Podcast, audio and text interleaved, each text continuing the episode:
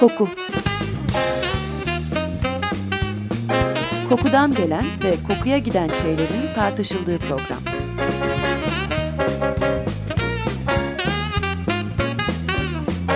Hazırlayan ve sunan Vedat Ozan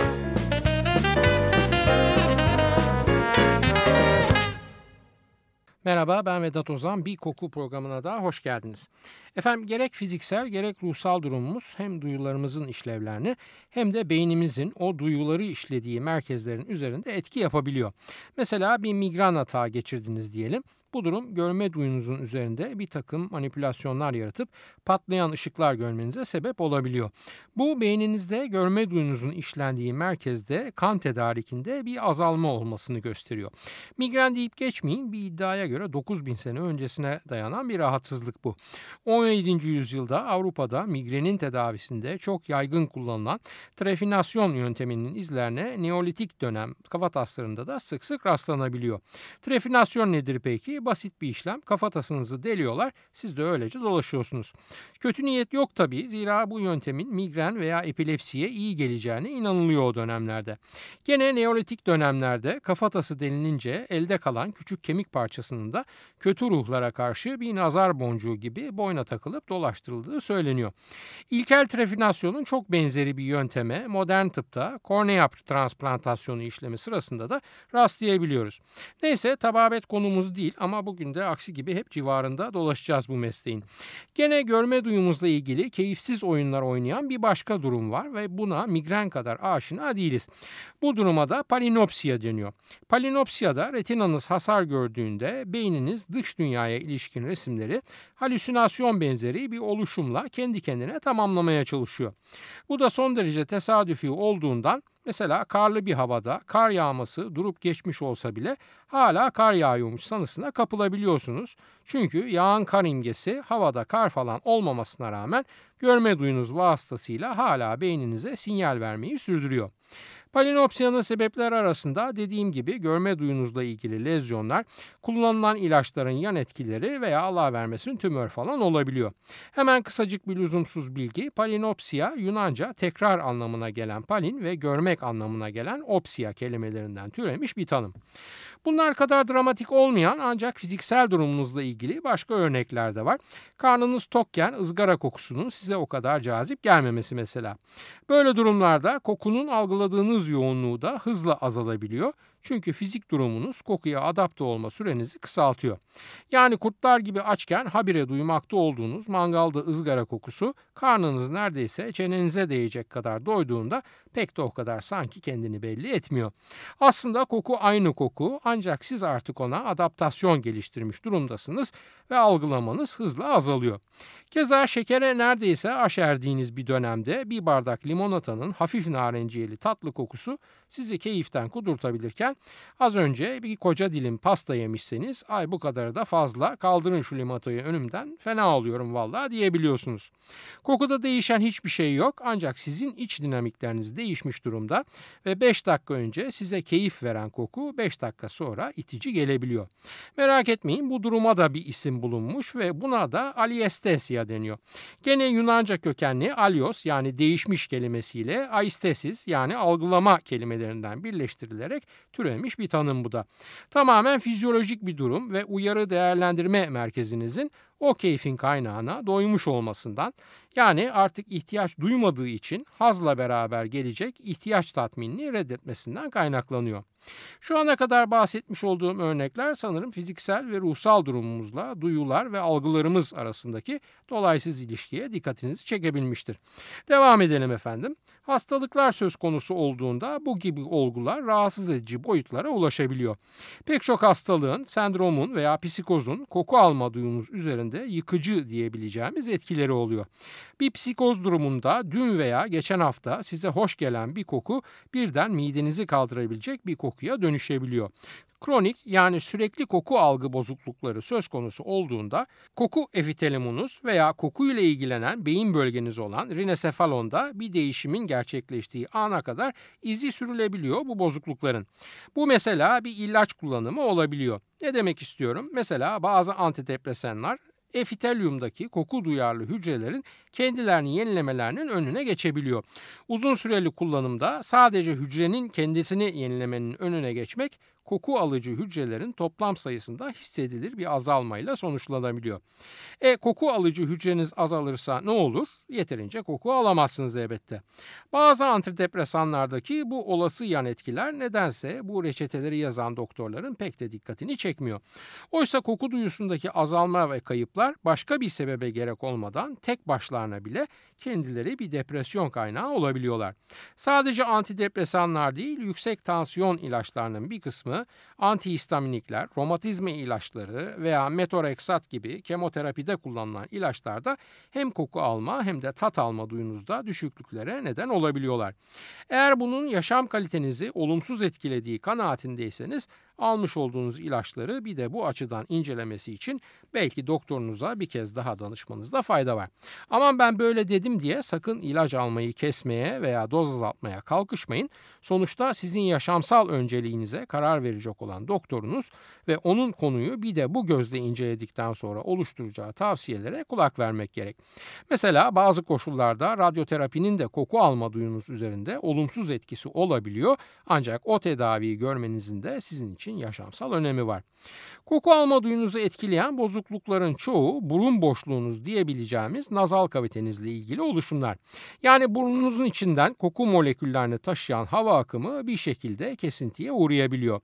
Bunun sebebi basit ve masum bir soğuk algınlığından beyninizdeki koku merkezi yönünde gelişmekte olan habis bir tümörün varlığına kadar geniş bir yelpaze içinde yer alabiliyor.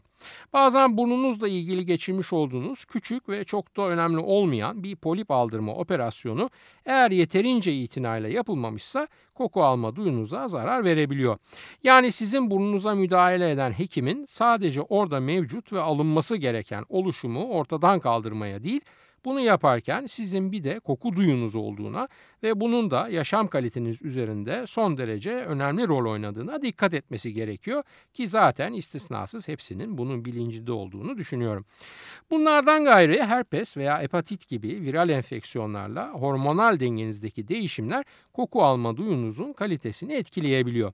Yani mesela adet döneminde kadınlarda meydana gelen hormonal değişimlerin son derece dalgalı bir koku alma durumu yarattığını ve çok büyük bir genellemeyle adet döneminde kadınların koku alma yetilerinin azaldığını biliyoruz. Bunun evrimsel açıklaması da adet döneminde koku duyusu aracılığıyla verilecek çiftleşme kararına gerek kalmaması. Neden? Çünkü adet döneminde kadın döllenebilir veya doğurgan değil, dolayısıyla çiftleşme sinyallerini ne almasına ne de vermesine gerek yok. Bütün hastalıklar veya bozukluklar koku alma duyumuzda algı eşiğini yükseltiyor.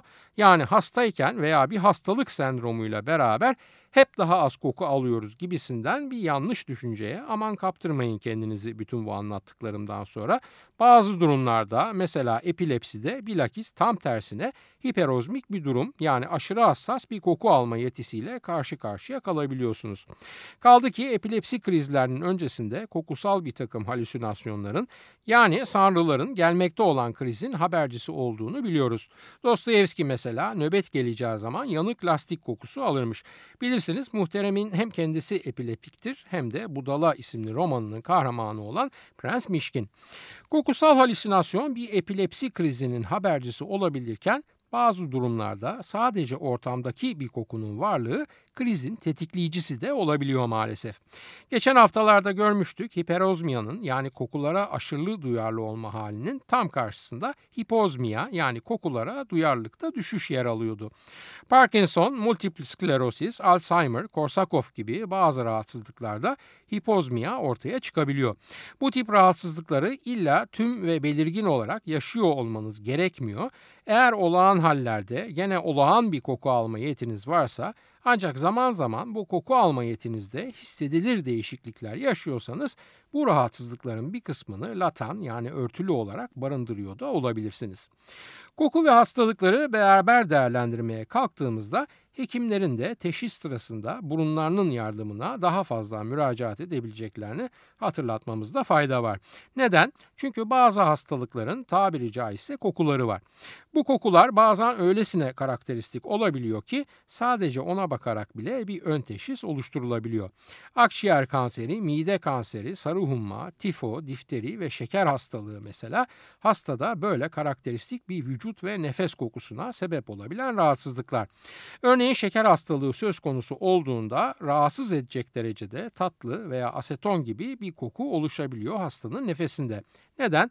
Çünkü vücut yeterince ensüline ulaşamadığında yağ yakmaya başlıyor ve bu yağ yakma işlemi sonucunda ketonlar artık olarak kalıyor kanda.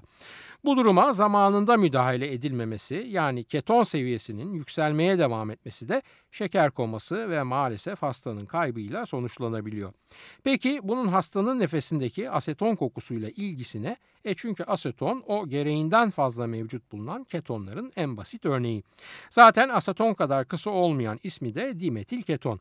Eğer şeker sorununuz varsa kanınızda ve idrarınızda yüksek miktarda keton bulunuyorsa elbette mesela ağız kokunuzda asetonumsu olabiliyor. Küçük bir lüzumsuz bilgi özellikle son yıllarda meyve kokulu parfümlerin veya parfümlendirilmiş ürünlerin mesela duş jellerinin falan oldukça revaçta olması bunların formülünün içinde de bol miktarda rasketon, raspberry keton veya Türkçesiyle ahududu ketonu denilen parahidro benzil asetonun kullanılmasına yol açtı. Keza gene bir başka keton olan dimetil keton hafif ağaçsı ve buğulu kokusuyla satış rekorları kırmış pek çok parfümün içinde yer alıyor. Şeker hastalığını bir yana bırakalım devam edelim örnekler vermeye. Balık gibi kokmak böbrek yetersizliğinin göstergesi olabilirken sarımsak kokusu da zehirlenmenin uyarısını veriyor olabiliyor.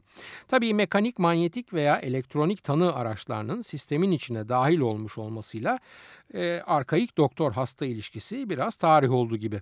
Yani artık siz hekiminizi ziyaret ettiğinizde onun elinde sizinle ilgili bir tanının çıktısını görebiliyorsunuz. Oysa belki tam tanı değil ama ön tanı yani ilk kanaati oluşturmak için bu basit ve masrafsız hastayı koklama yöntemi kullanılabilir.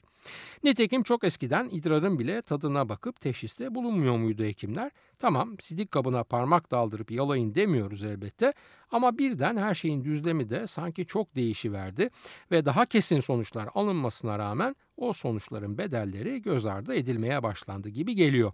Her ne kadar özel veya genel sağlık sigortaları sizin pahalı tanı analizlerinizi karşılıyor olsa da unutmayın ki kimse kimseye kara kaşı kara gözü için bir şey vermiyor ve o masraflar bir şekilde gene bizden ama farklı yollarla illaki çıkıyor.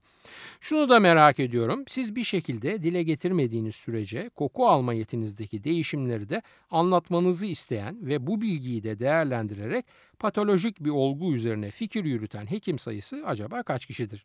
Elbette nörologlar veya kulak burun boğazcıları kastetmiyorum ama bir dahiliye muayenesinde bile koku yetinizin hali hazır durumunun bilinmesi çok uzun bir yolu kolayca kısaltabilir ve teşhis konusunda hedefi daraltabilir diye düşünüyorum. Tabii ki bu şu demek değil, her koku duyusu azalması ciddi bir rahatsızlığın göstergesidir. Bu demek değil bu. Başta da dediğim gibi hafif bir soğuk algınlığı bile buna yol açabiliyor çünkü. Ama eğer bu durum süreklilik arz ediyorsa çok da pahalı olmayan bazı standart koku algı testlerinin mesela UPSIT testini veya GITU isimli ve Utrecht Üniversitesi'nce geliştirilmiş olan bir diğer testin uygulanmasını hekimin önündeki olasılıklar tablosunu genişletmek açısından yararlı olabileceğini düşünüyorum. Bir kahve molası verelim mi efendim şimdi müsaadeniz olursa? Kahvelerimizi içerken de Bob Seger'dan dinleyelim Real Mean Bottle.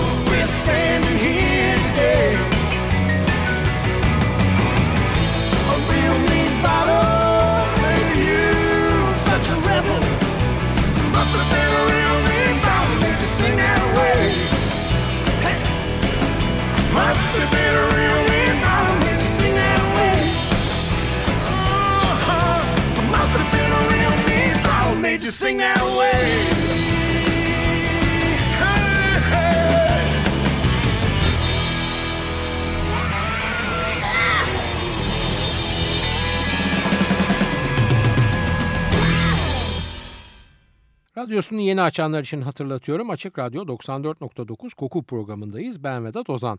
Bob Seger'dan dinledik Real Mean Bottle. Evet daha önceki yayınlarda da çok bahsettik. Kokunun tıp ve ilaç aleminde tarihsel bir rolü var. Vücut kokularının kompozisyon ve kalitesinin yaşamsal sıvılarımız hakkında fikir verdiğine inanılıyor ki pek çok durum için bunun doğru olduğunu biliyoruz. Hipokrat sağlıklı olmanın kokusundan ve hastalıklı kokudan bahsediyor mesela. Bunun ötesinde geçmiş zaman hekimleri her hastalığın kendine has bir kokusu olduğunu öne sürüyorlar. 19. yüzyıl üzerine uzmanlaşmış tarihçi Alain Corben Türkçe'ye kokunun tarihi diye çevrilen Le Miasma et la Jonquille isimli ünlü kitabında dönem hekimlerinin kangren, kanser ve kemik dejenerasyonunun kokusunu ayırt edebildiklerinden söz ediyor. Hatta hastanelerdeki koğuşlar bile kokulara göre ayrılıp sınıflandırılabiliyor. Çocukların koğuşlarındaki ekşi ve itici bir koku, Kadın koğuşlarında tatlı ve çürük bir koku, erkek koğuşlarında ise diğer ikisi kadar sert bir iticiliği olmayan ancak kuvvetle karakteristik bir hoş olmayan kokudan bahsediliyor. Küçük bir parantez açacağım müsaadeniz olursa bütün bunlara yabancı kaynaklardan ulaşıp Türkçeleştirmek çok kolay değil sayın dinleyiciler. Neden? Çünkü kokunun kelimeleri çok az hele ki Türkçe'de. Smell'e de, scent'e de, stink'e de, fragrance'a da, odor'a da koku deyip geçiyoruz. Oysa nitelikleri tamamen farklı kokusal olgulardan bahsediliyor bu kelimelerin her birinde. Bundan dolayı tanımlamaların biraz uzun kalabilir ancak her biri ayrı kokusal olguyu ifade eden bu yabancı kelimeleri tek bir Türkçe karşılığa indirgemekte maalesef anlamdan iyice uzaklaştırabiliyor insanı. Parantezi kapatıp devam ediyorum efendim. 1760 yılında kadavranın dekompozisyon aşamalarının yani cesedin çürüme evrelerinin bile tanımı koku referans alınarak yapılabiliyor. Sırasıyla mide bulandırıcı, ekşi, itici, baharatımsı ve en nihayetinde amber gibi diye tanımlanıyor bu aşamalar.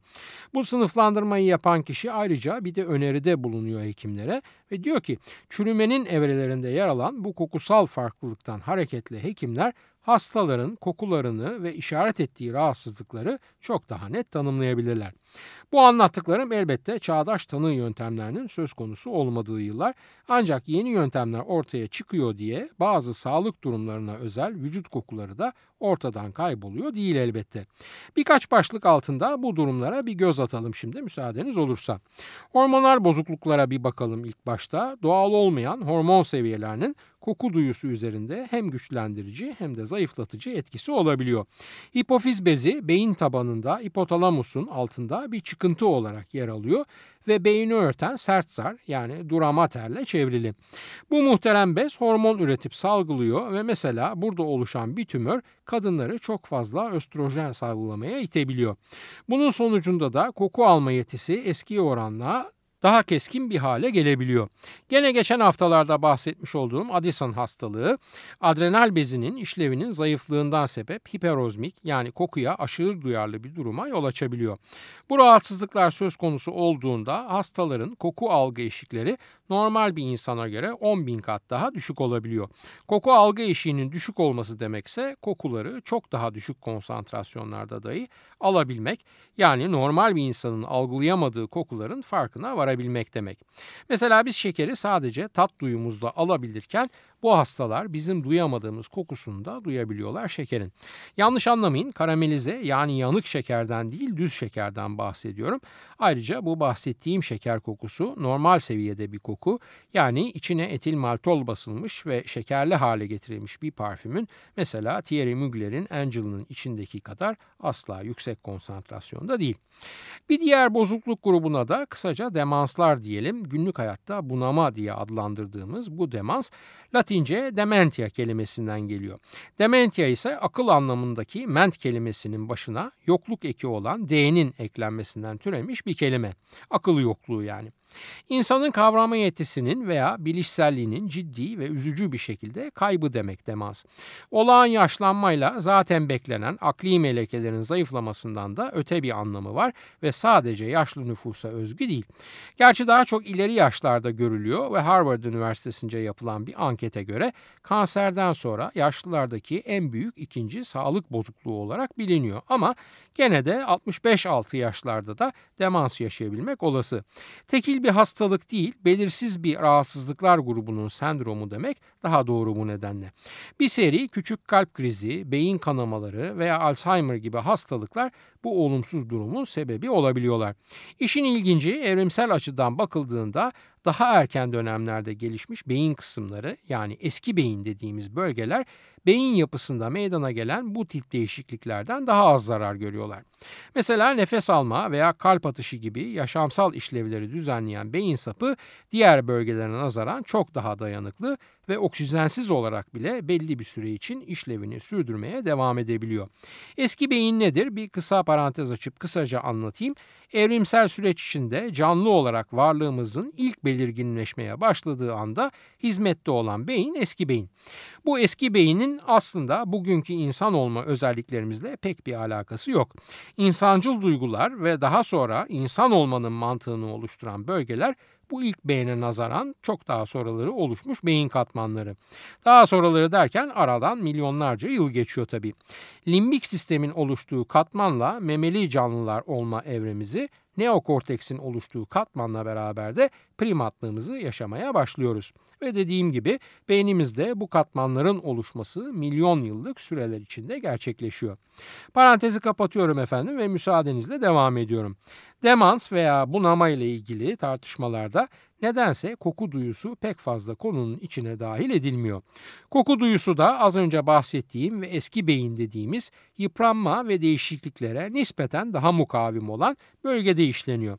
Ancak yakın zamanlarda bu bölgelerde meydana gelen olumsuz değişimlerin kısıtlı olarak da olsa demansın oluşumunda önemli bir adım olduğu gündeme geldi. Özellikle Alzheimer hastalığı söz konusu olduğunda koku duyusu yani olfaction çok daha dolaysız olarak işin içine giriyor. Öncelikli olarak etkilenen beyin bölgeleri mesela amigdalanın da içinde yer aldığı çekirdek bölge beynimizde koku duyusunu işleyen unsurlarla bağlantı halinde. Dolayısıyla koku duyusunda meydana gelen bozulmalar beynin tümünde hasar oluşturacak bir sürecin tetikleyicisi olabiliyorlar. Bir başka ilginç nokta ise şu, Alzheimer hastalığı şeklinde bir demans durumu yaşayan hastalarda koklama kapasitesi başta hızla düşüyor ancak sonra görece durağan bir seyre kavuşabiliyor. PIT de denilen Picture Identification Test veya Türkçesiyle resim tanımlama testi sonuçlarına baktığımızda görme duyusunda aynı işitme duyusunda olduğu gibi koklama duyusuyla mukayese ettiğimizde daha hızlı ve sürekli bir kayıp gözleyebiliyoruz. Peki hep duyuyoruz Alzheimer nedir? Alzheimer, demans veya bunamanın en sık rastlanan nedeni. Bellekte ve öğrenme, konuşma, akıl yürütme, yargılama, iletişim ve günlük yaşam etkinliklerini sürdürme yetilerinde kademeli olarak yıkıma ve davranışlarda değişikliklere yol açan ilerleyici bir beyin hastalığı. Hastalık adını Alman doktor Alois Alzheimer'dan alıyor. Doktor Alzheimer 1906 yılında Tübingen'de düzenlenen Güneybatı Alman Psikiyatristler Konferansı'nda ilk kez bir demans vakasının sunulduğu çok çarpıcı bir ders veriyor ve August D isimli 51 yaşındaki kadın hastayı örnek vaka olarak katılımcılara sunuyor. Doktor Alzheimer ilk muayene sırasında bu hastada ilerleyici zihinsel bozukluklar, hafıza, kavrama, konuşma ve yön bulma bozukluğu, işitsel halüsinasyonlar, hezeyanlar ve belirgin davranış bozuklukları saptıyor. Daha sonra August D'yi ölene kadar yaklaşık 5 yıl boyunca izliyor ve hasta hayatını kaybettikten sonra da izlemeyi bırakmıyor. Yani alıyor vefattan sonra muhteremin kadavrasını önüne ve elinde bıçakla dalıyor beynine. Bu otopside beyinde anormal kümeleşmeler ve lif yumakları saplıyor bizim doktor bey ve bugün beyindeki bu yumaklar ve plaklar Alzheimer hastalığının beyinde oluşturduğu ana değişiklikler olarak kabul ediliyor. Bir başka açıdan bakalım demansa şimdi. Bazen burun boşluğuna sürekli nüfuz eden toksik bombardımanlara karşı direnme gücünün azalması da demansın ilerlemesine sebep oluyor. Çünkü toksik madde burun efitelinden yani koku moleküllerini karşılayan doku zarından beyne ulaşabilecek bir yol bulabiliyor kendine. Hücrelerin kendini yenilemesi sırasında da bu toksik maddeler beyne daha da çok yaklaşabiliyorlar. Burada ilginç bir bulguya dikkat çekmek istiyorum. Bir nevi beyin zehirlenmesi diyebileceğimiz bu tip demansa uzun yıllar okul sıralarında eğitim almış kişilerde pek rastlanmıyor.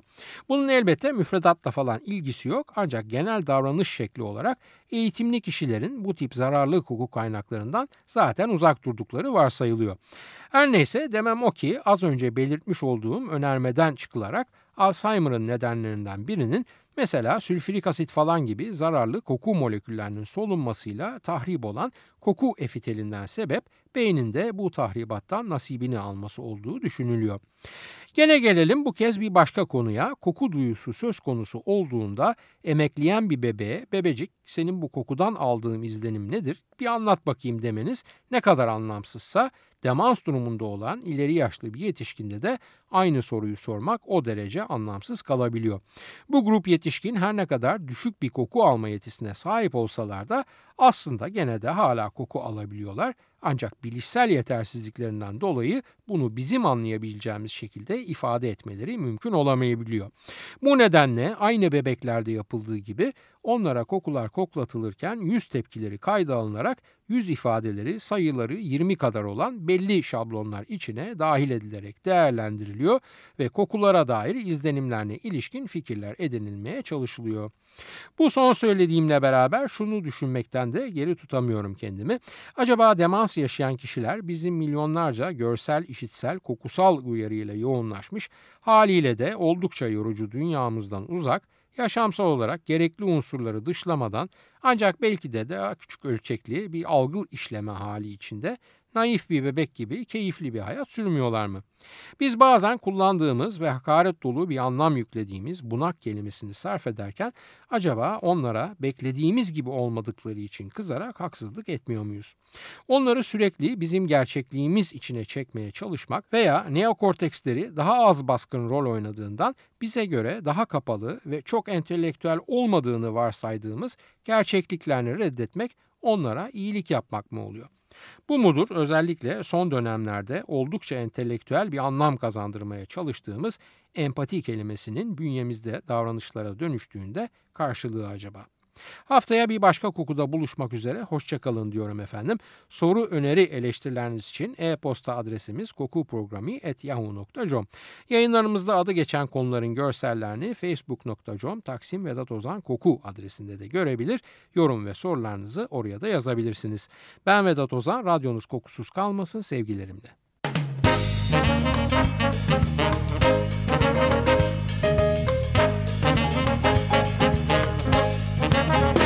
Koku Kokudan gelen ve kokuya giden şeylerin tartışıldığı program.